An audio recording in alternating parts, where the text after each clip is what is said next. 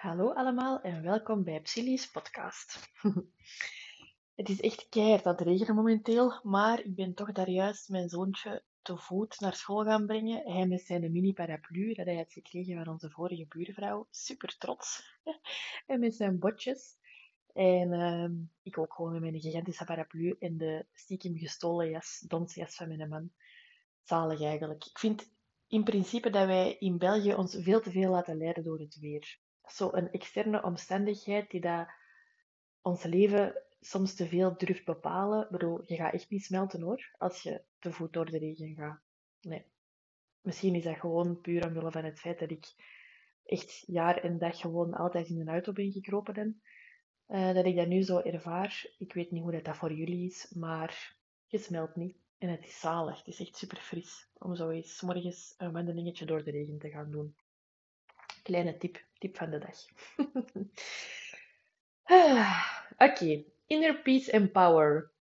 Ik weet, er zijn echt superveel um, online trainingen en zo die, die soortgelijke uh, titels hebben. Um, maar goed, het, gaat het gaat daar eigenlijk ook wel over. Hè. Met die interne dialoog komen tot innerlijke vrede met uzelf en daardoor in uw kracht kunnen gaan staan. Dat is eigenlijk de bedoeling van uh, deze podcast van vandaag. Nu, puur, ik, wou, ik dat dat zo was, dat ik puur en alleen met een gratis podcast jullie volledig tot inner peace en power kon brengen, maar dat is natuurlijk niet zo. Um, en daarom is er eigenlijk aan deze podcast reeks voor degenen die willen een hele korte, goedkope training verbonden die dat je kunt vinden in de shop. En die gaat dan Inner Peace and Power. Inner Peace and Power heten. Um, en het gaat vooral over authenticiteit. En zo, jullie kennen mij dan ondertussen al wel een beetje uh, via de podcast. Ik denk dat authentiek wel een woord is dat je voor mij zou kunnen gebruiken. Um, ik ben niet van plan om met die trainingen uh, miljonair te worden, bij wijze van spreken. Maar het is natuurlijk wel leuk dat de podcast een beetje ondersteund wordt door af en toe uh, een training te kunnen verkopen in, de, in de shop. Anyways, dat terzijde. Inner Peace and Power heeft voor mij heel veel te maken met authenticiteit. Authentiek zijn in echt zijn. Wat is authentiek zijn? Is echt zijn. Um, in uw denken, in uw doen en in uw voelen. En dat wil eigenlijk zeggen dat je op die manier in evenwicht bent, in balans. Nu, zoals ik al een paar keer uh, heb gezegd, 80-20. Want wie is er in godsnaam 100% van de tijd in balans? We zijn mensen, hè. Dus ik denk dat je dat echt niet van jezelf uh, mag verwachten. Ik heb zo'n zo'n cliënte, met alle respect, uh, als je aan het luisteren bent, dan weet je misschien wel de enkele uh, waarover ik het heb, um, die dat blijven zoeken naar een bepaalde manier, een bepaalde magische oplossing, een bepaalde truc die dat ze nog niet gevonden hebben om die inner peace and power te bereiken. Maar eigenlijk zoals ik ook al eens gezegd heb, is mentaal welzijn gewoon een beetje zoals je haar wassen. Hè? Je weet dat dat telkens opnieuw gaat moeten gebeuren, dat je haar telkens opnieuw uh, vuil gaat worden van verschillende omstandigheden. Um, en dat je dat telkens opnieuw terug gaat moeten wassen. Dus mentaal welzijn uh, is eigenlijk een beetje hetzelfde. Je gaat dat telkens opnieuw terug moeten doen. Er is niet een of andere magische oplossing die dat ertoe leidt dat je ineens super zen uh, gaat zijn, super peaceful, super powerful. Uh, zo werkt het niet. Hoe werkt het dan wel? Ja, evenwicht zoeken in uw denken, in uw doen en in uw voelen is niet super gemakkelijk. Er is dus geen crash course, heb ik ook al een paar keer gezegd, er is geen crash course voor. Um, maar waar je al mee zou kunnen beginnen, is dus verbinding maken in uw binnenwereld en verbinding maken met een buitenwereld. En uw binnenwereld en uw buitenwereld is dan congruent. Dat wil dus eigenlijk zeggen dat, dat hetgeen wat je in je binnenwereld voelt en denkt en ervaart, dat je dat ook op een congruente manier, op een, op een eerlijke, authentieke manier naar de buitenwereld toe gaat communiceren. En dat klinkt nu echt super de, allee, klinkt, ja, dat doe je dan toch? Maar nee, je doet dat niet.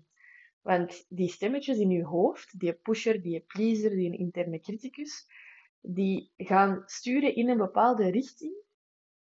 waarbij dat zij er proberen voor te zorgen dat je niet gekwetst wordt. Dus ze gaan eigenlijk meer rekening houden met hoe dat jij op andere mensen gaat overkomen en proberen dat dan te sturen, zodat jij niet gekwetst wordt. Maar dat wil dus niet per se zeggen dat dat goed is voor je innerlijke kracht, voor je innerlijke vrede met jezelf. Oké, dus beeld je in in die bus of op dat podium. Of ik ga misschien eens met een andere metafoor werken vandaag, en dat is dan een bedrijf. Je hebt een CEO van een bedrijf, iedereen kent dat wel, dat is een heel bekende uh, structuur voor, voor de meeste mensen. Je hebt een CEO en je hebt een team dat door die CEO geleid wordt. Voilà, dus de CEO ben jij, is uw bewuste ik. En het team dat je daar aan die vergadertafel hebt zitten, hè, in die coole vergaderzaal die dat je hebt in je bedrijf, dat team, dat is het team waarmee dat je eigenlijk je bedrijf tot uh, de, de missie wil brengen. En de missie van het bedrijf is je authentieke zelf zijn. Oké, goede metafoor? Ik vind van wel. En ja, aangezien dat niemand mij kan tegenspreken op dit moment, zal het dan wel zo zijn hè, dat het een goede metafoor is. Dus oké, de bedoeling is dan dat je tot een goed team komt. dat er eigenlijk verschillende soorten teamleden, teamleden aan je tafel zitten en dat je zo tot een goed team komt. Dus dan moet jij wel de manager zijn natuurlijk hè, van dat team. Je bewuste ik uh, moet de manager zijn. Het begint met te weten wie dat er allemaal in je team zit. Toch? Stel nu, je bent CEO en je, je neemt dat bedrijf over en je hebt al een aantal teamleden. Eigenlijk is dat een beetje waar we nu aan aan het werken zijn. Het is even oncomfortabel als als bedrijfsleider in een nieuw bedrijf toekomen en al een team hebben dat je dan helemaal moet leren kennen. Met alle goede, en, goede punten en werkpunten.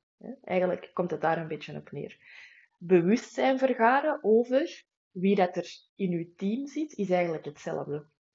En vanmorgen kwam ik ineens op het idee dat dat een beetje, dat bewustzijn vergaren, dat is zo'n raar woord, hè, vergaren, zo oud, maar oké.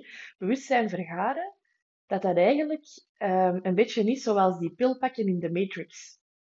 De red pill of de blue pill. Voor de mensen van mijn generatie en ouder, die kennen dat wel. De jongeren, die moeten het dan maar eens even gaan opzoeken. Maar de Matrix, dus ontwaken, het ontwaakproces in de Matrix is ook niet zo tof, hè? Uiteindelijk is ook niet altijd gemakkelijk. Hè? Het is wel echter. Je leeft in een echtere wereld. Je bent je meer bewust van wat dat er speelt, wat dat er echt aan de hand is. Maar soms zou je wel graag terug dat pilletje pakken, waardoor dat je terug onbewust wordt. En daar moppen wij ook wel eens vaak uh, als psychologen en psychotherapeuten onderling over. over ja, je kunt het niet meer ontweten. Je ziet alles. Je hebt die pil gepakt en ineens zie je alles. En ja, je kunt het niet meer ontweten. Maar goed. Dus je hebt dan die pil gepakt, je, hebt dan dat bedrijf overgenomen en je bent daar met een bril, met een, heldere, met een heldere blik naar aan het kijken. En dan zie je wie dat er allemaal in je team zit. Um, ik heb hier opgeschreven, jij, dan, jij bent dan de manager van het team en je hebt dan bijvoorbeeld de pleaser aan de ene kant van de tafel en daartegenover zit dan de egocentrische, um, of ja, in mijn innerlijke wereld is dat Beyoncé. Grappig, hè? ik vind dat zelf toch grappig. Uh, is dat Beyoncé, omdat Beyoncé zo heel unapologetic, noemen ze dat dan in het Engels, zo, zonder zich daarvoor te verontschuldigen, ruimte kan innemen. Voor mij is dat echt een van mijn voorbeelden op dat vlak. Dus de pleaser geeft vooral ruimte aan de ander. Beyoncé geeft op bepaalde momenten hè, vooral ruimte aan zichzelf en durft dat ook, zonder zich daarvoor te verontschuldigen. Dus de pleaser aan de ene kant van de tafel, Beyoncé aan de andere kant van de tafel. In mijn bedrijf dan. Hè. Aan de andere kant heb je dan, uh, dus aan de kant van de pleaser heb je dan de interne criticus dat daar zit. En aan de overkant is dat bij mij dan Mildred. Mildred van, uh, van de, de, episode van Mildheid. Oké. En dan heb ik er nog twee opgeschreven. Aan de ene kant dus van de pleaser en van de interne criticus heb je dan de pusher dat daar nog zit. En aan de andere kant heb je dan de chiller. Degene die dat gewoon mag zijn. Dat is mijn vergaderzaal op dit moment zo, met de, met de meest belangrijke um, uh, supersonen die dat bij mij, uh, bij wijze van spreken, de board leiden, zo, de, de bestuurs... Hoe heet dat? de, de raad van bestuur. Ja, de raad van bestuur ehm, is dan bij mij de pleaser, de interne criticus, de pusher. En aan de andere kant Beyoncé, Mildred, Mildred en de chiller. Dat is mijn, uh, mijn vergaderzaal, als ik die nu zo voor mij zie. Wat ik ook nog even wil meegeven is, de ene vergadering zal de linkerkant van de tafel meer te zeggen hebben en de andere vergadering de rechterkant. Dat is heel normaal. Hè? De ene vergadering gaat u, u meer defensieve, u meer um, uw superpersoonlijkheden die dat u proberen te beschermen meer te zeggen hebben. En de andere vergadering gaat het meer zo wat in de flow zijn en gaat het meer, zijn het meer Beyoncé, Mildred en de chiller die daar meer te zeggen hebben en gaat een andere richting uit. En de communicatie dat dan na die vergadering gebeurt naar de buitenwereld toe, kan dan ook soms anders zijn. Dus dat is ook wel heel normaal. Soms zitten mensen meer zo wat in hun verdediging en soms zitten meer in je, in uw authenticiteit. Je kunt niet van jezelf verwachten dat je Boeddha-gewijs altijd in zo die authentieke zin zelf gaat zitten. Maar hoe meer, hoe beter natuurlijk. Dat is eh, een veel fijnere plek om te zijn dan, uh, dan in je verdedigingsmechanisme noemen ze dat dan in de psychologie. Dus in de ene situatie reageer je soms anders dan in de andere situatie. Dat is logisch. Hè? Je mag nu echt niet van jezelf gaan verwachten dat je ineens uh, altijd je inner Beyoncé kan uh, kanaliseren. Dat is normaal. Oké. Dus, maar het is wel de bedoeling dat jij als CEO luistert naar je raad van bestuur. En dat je ook telkens opnieuw, misschien elk kwartaal of zo, gaat evalueren van wie zit er in mijn raad van bestuur en hebben we misschien nog iemand anders nodig daarin. Um, bij mij is dat nu de pleaser, de pusher, de interne criticus, Mildred, de chiller en Beyoncé. Um, ik heb soms op bepaalde momenten ook heel erg de creatieveling nodig, bijvoorbeeld. De creatieveling en de boekhouder. Dat zouden er ook nog twee kunnen zijn hè, in mijn, uh, in mijn uh, vergaderzaal. Ik heb op bepaalde momenten mijn boekhouder nodig, die dat echt wel um, heel uh, structureel, um, procedurematig um, analyseren hoe dat ik best mijn boekhouding doe en hoe dat ik best uh, de dingen organiseer, bijvoorbeeld. En langs de andere kant hebben we dan ook de creatieveling nodig. Bijvoorbeeld, ja, ik ben nu naar een mindmap aan het kijken hè, voor deze podcast. Dus daarvoor heb ik echt wel die creatieveling nodig, die dat ervoor zorgt dat er, dat er dingen gecreëerd worden, hè, uiteraard. Ja. Dus evalueer ook regelmatig uw raad van bestuur en kijk dan of dat er misschien nog eens iemand anders nodig is uh, in uw raad van bestuur. En daarvoor zou je natuurlijk ook in begeleiding kunnen gaan, effectief bij iemand. Hè, om te gaan kijken van oké, wie heb ik hier allemaal in mijn raad van bestuur qua superpersoonlijkheden uh, en wie zit er misschien in de koffer waar ik zelfs nog niet eens aan heb gedacht, hè, die dat, die dat uh, nodig is. Wie, wie moeten we nog aannemen? Wie is er nog niet in ons bedrijf? Om het dan in deze metafoor te houden. Um, voor wie moeten we een vacature uitschrijven? Of wie hebben we misschien wel? En moet er misschien promotie krijgen? Ook wel een belangrijke. Misschien moeten we iemand van de vloer, zoals ze dat dan zo mooi zeggen in Vlaamse bedrijven, misschien moet er iemand van de vloer promotie krijgen naar de raad van bestuur. Uh, bij mij is dat zeker met een boekhouder geweest die op een gegeven moment promotie heeft moeten krijgen. Want amai, als zelfstandige uh, is het wel echt nodig uh, dat je die zelf ook een beetje hebt. Voilà. Um, dus oké, metafoor van de vergaderzaal. Jij bent de CEO, je hebt je raad van bestuur en je kijkt, je gaat om de zoveel tijd ook evalueren van, zit daar iedereen in? Of hebben we nog iemand extra nodig? Of heeft er iemand, is er iemand, mag er iemand even met vakantie, bijvoorbeeld, in de raad van bestuur? Kan er iemand even op non-actief worden gezet? um, maar echt ontslagen zou ik niet doen. Hè? Want, want die superpersoonlijkheden zijn ook ontstaan omwille van een reden en brengen u ook heel veel.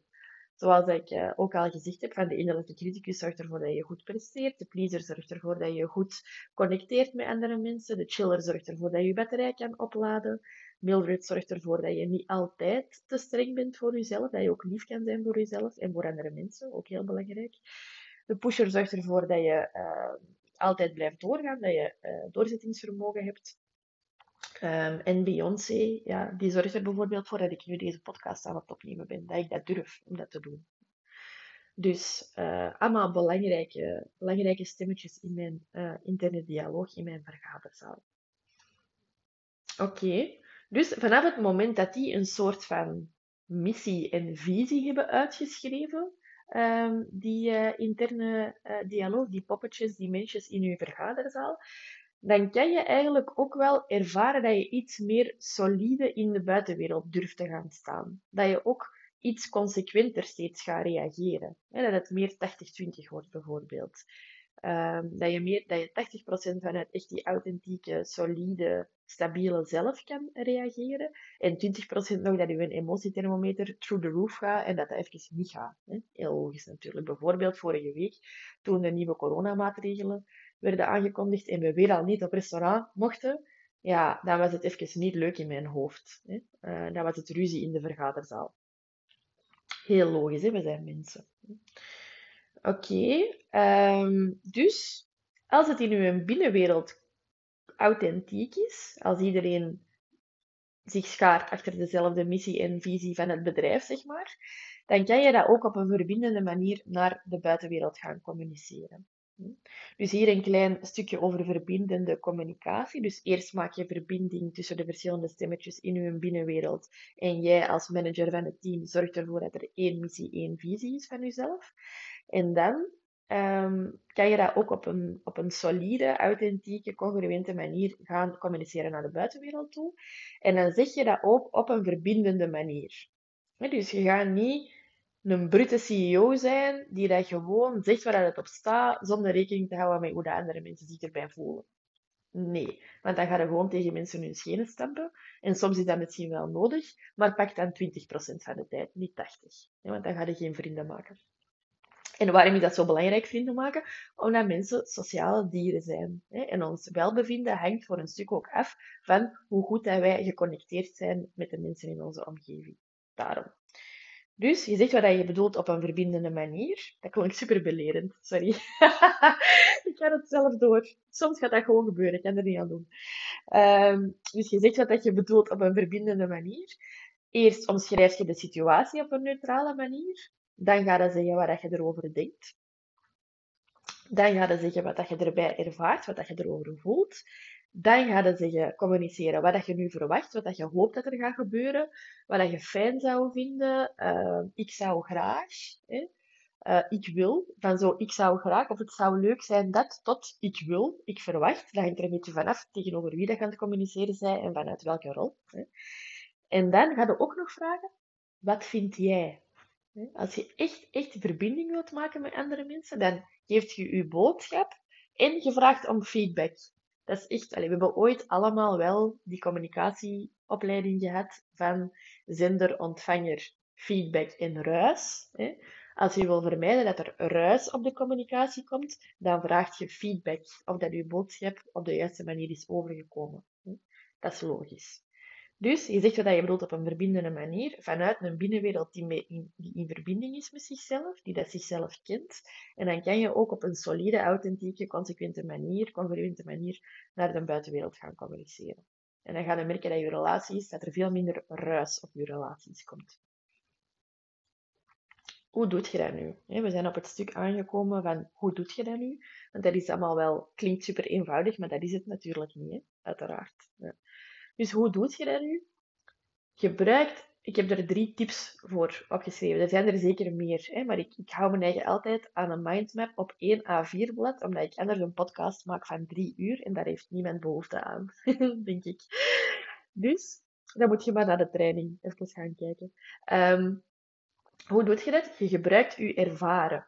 En je ervaren in, de, in een bepaalde stroming in de psychotherapie noemen ze dat je felt sense uw, uw, uw veldsens, dus dat wil zeggen uw, uw, uw voelen, uw gevoeld ervaren of zoiets. Ik ben even de Nederlandse vertaling kwijt, maar dat is nog niet zo heel belangrijk. Uw veldsens, dus dat wil zeggen dat je uw ervaren, uw voelen, uw lichamelijke sensaties gaat gebruiken als emotionele signalen, maar wel gereguleerd. Wat wil dat nu zeggen? Je neemt de regie over. Je gaat niet gewoon meegaan met je emoties, met je emotiestroom, uh, zonder daar je rationeel vermogen, waar het de evolutie heel hard haar best voor heeft gedaan om dat te creëren, hè, die prefrontale cortex, zo hetgeen dat onder je voorhoofd zit, uh, je gaat dat wel gebruiken. om uw emotie te reguleren. Want anders kunnen we even goed terug in de grotten gaan wonen en met knuppels op elkaars hoofd gaan slagen. Hè? Dus je, gaat dat, je hebt dat wel nodig, je rationeel vermogen, om je, om je emoties te reguleren. Oké, dus, maar je kunt dus die felt sense wel gebruiken. Um, je emoties gaan je toch sturen in een bepaalde richting, of dat je iets leuk vindt of niet leuk vindt. Of dat je voelt dat iemand over je grenzen gaat of niet. Of dat je voelt dat je zin ergens in hebt of niet. Dus als iemand over je grenzen gaat bijvoorbeeld, ga je dat ergens voelen. En dat is hetzelfde gevoel als dat bijvoorbeeld iemand aan de supermarkt zo met zijn kar bijna tegen je kuiten aan het rijden is. Of hopelijk met corona echt niet, maar op de bus of het openbaar vervoer of zo, of ergens op de straat, te dicht tegen u komt staan. Het gevoel dat je krijgt op dit moment, want we zijn er heel hard in getraind de laatste maanden, wanneer dat iemand zo binnen uw cirkel van anderhalve meter komt. Je stapt al bijna automatisch opzij. Maar voordat je opzij stapt, krijg je dus een gevoeltje.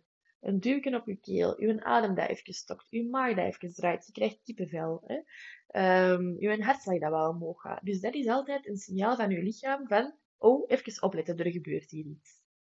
Dat kun je gebruiken. Hè?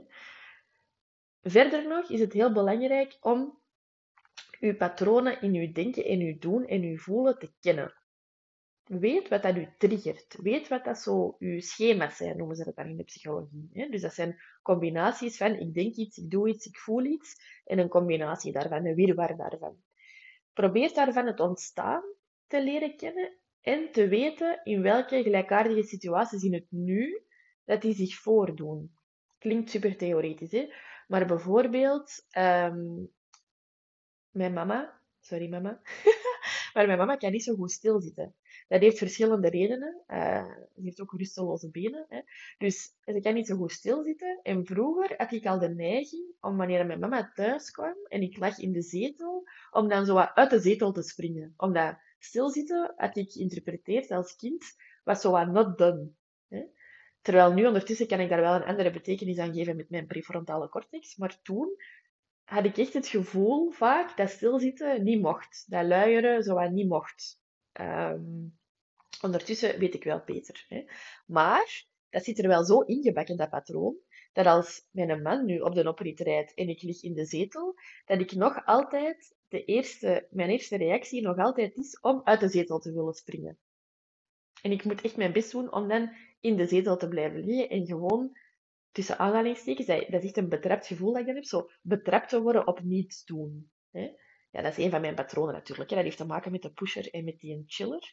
Maar je wordt dus betrapt. Ik voel, ik voel mij dan betrapt op het niets doen. Hè. Dus dat heeft te maken met het verleden. Met het feit uh, hè, dat, ik, dat ik vroeger dacht dat stilzitten dat dat niet mocht. Dat, dat lui zijn tussen aanhalingstekens dat dat niet mocht.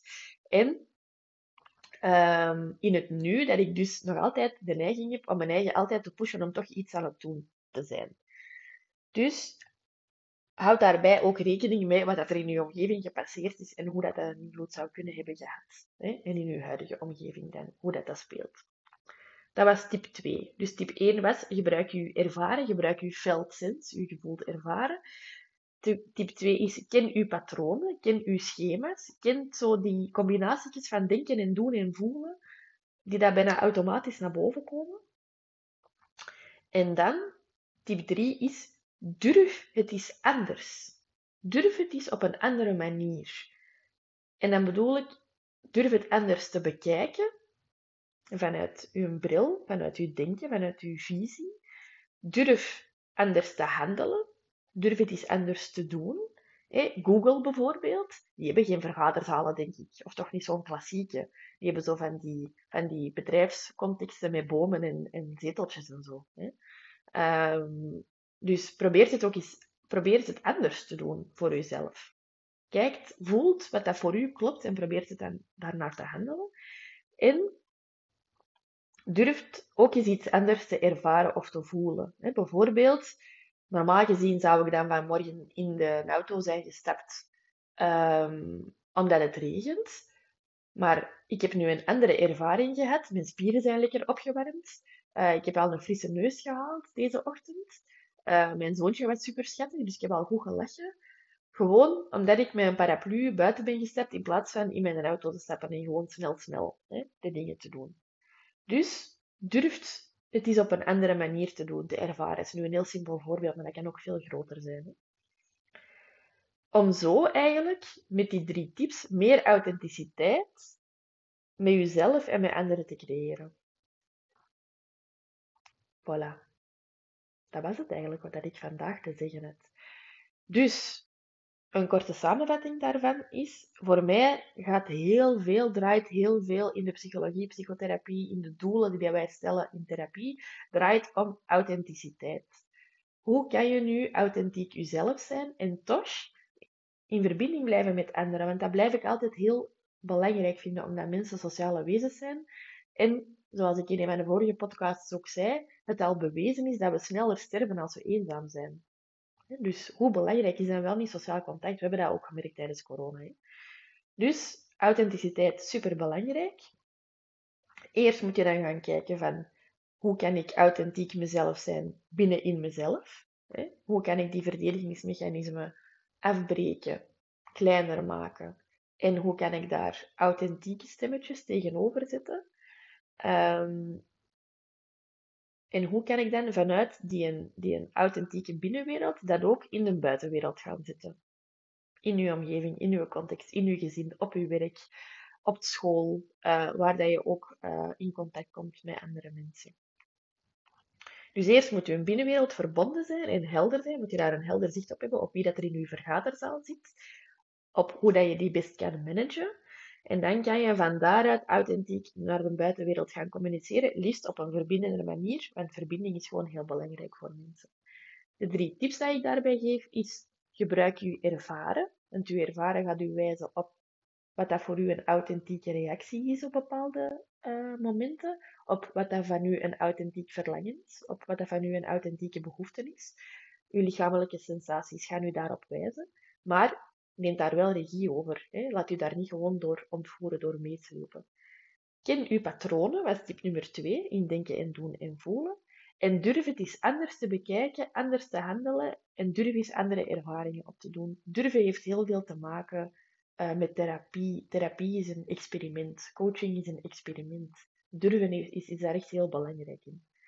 En dan, hopelijk, kan je tot een meer authentieke zelf komen, waarin dat je je meer solide voelt, hè, wanneer, waarin dat je je meer stabiel voelt, waarin dat de dagen gewoon in de flow verlopen. Daar is dat woord weer.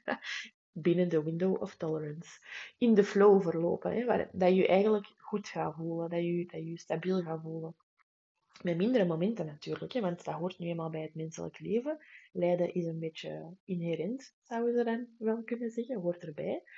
Maar zou wel fijn zijn, moesten we ons 80-20 oké voelen, toch? Content. Contentement. Dat is zo'n fantastisch woord, vind ik. Authentiek content. Dat is een mooie combinatie, denk ik, om hier, uh, om hier af te sluiten. Dank jullie wel alweer voor het luisteren. Ik vond het weer al een fijne podcast om te maken. Um, de online workshop Inner Peace and Power uh, komt zeker online. Ik hoop morgen eigenlijk. Wacht, hè. Ik ben nu woens het is nu woensdag bij mij. Morgen komt de podcast online. Dus ik hoop eigenlijk dat dat ik die donderdag of vrijdag online ga kunnen zetten. En dan zal ik dat ook wel posten in de stories en daar een mailtje voor sturen uh, als die online komt. Uh, wie weet kan er iemand iets aan hebben. Uh, en dan ontmoet ik jullie graag binnenkort voor seizoen 2 van de podcast. En ik heb erover nagedacht, ja, wat ga ik nu doen voor seizoen 2? Want dit was een mooie opwarmer, om het maar zo te zeggen. En ik ga in seizoen 2 praten over de zaken die dan voor mij een super grote impact hebben gehad op hoe dat ik het zie, het leven. Dus in seizoen 2 gaat het eigenlijk gaan over um, Silly's eye-openers, zeg maar. Dus de dingen die dat voor mij eigenlijk mijn wereldbeeld, mijn mensbeeld totaal hebben veranderd. En dus ook veranderd hebben hoe dat ik in het leven sta. En wie weet kan dat voor jullie ook helpen om alweer meer richting die authentieke zelf te gaan meer inner peace en power. Oké, okay. dank voor het luisteren en tot binnenkort.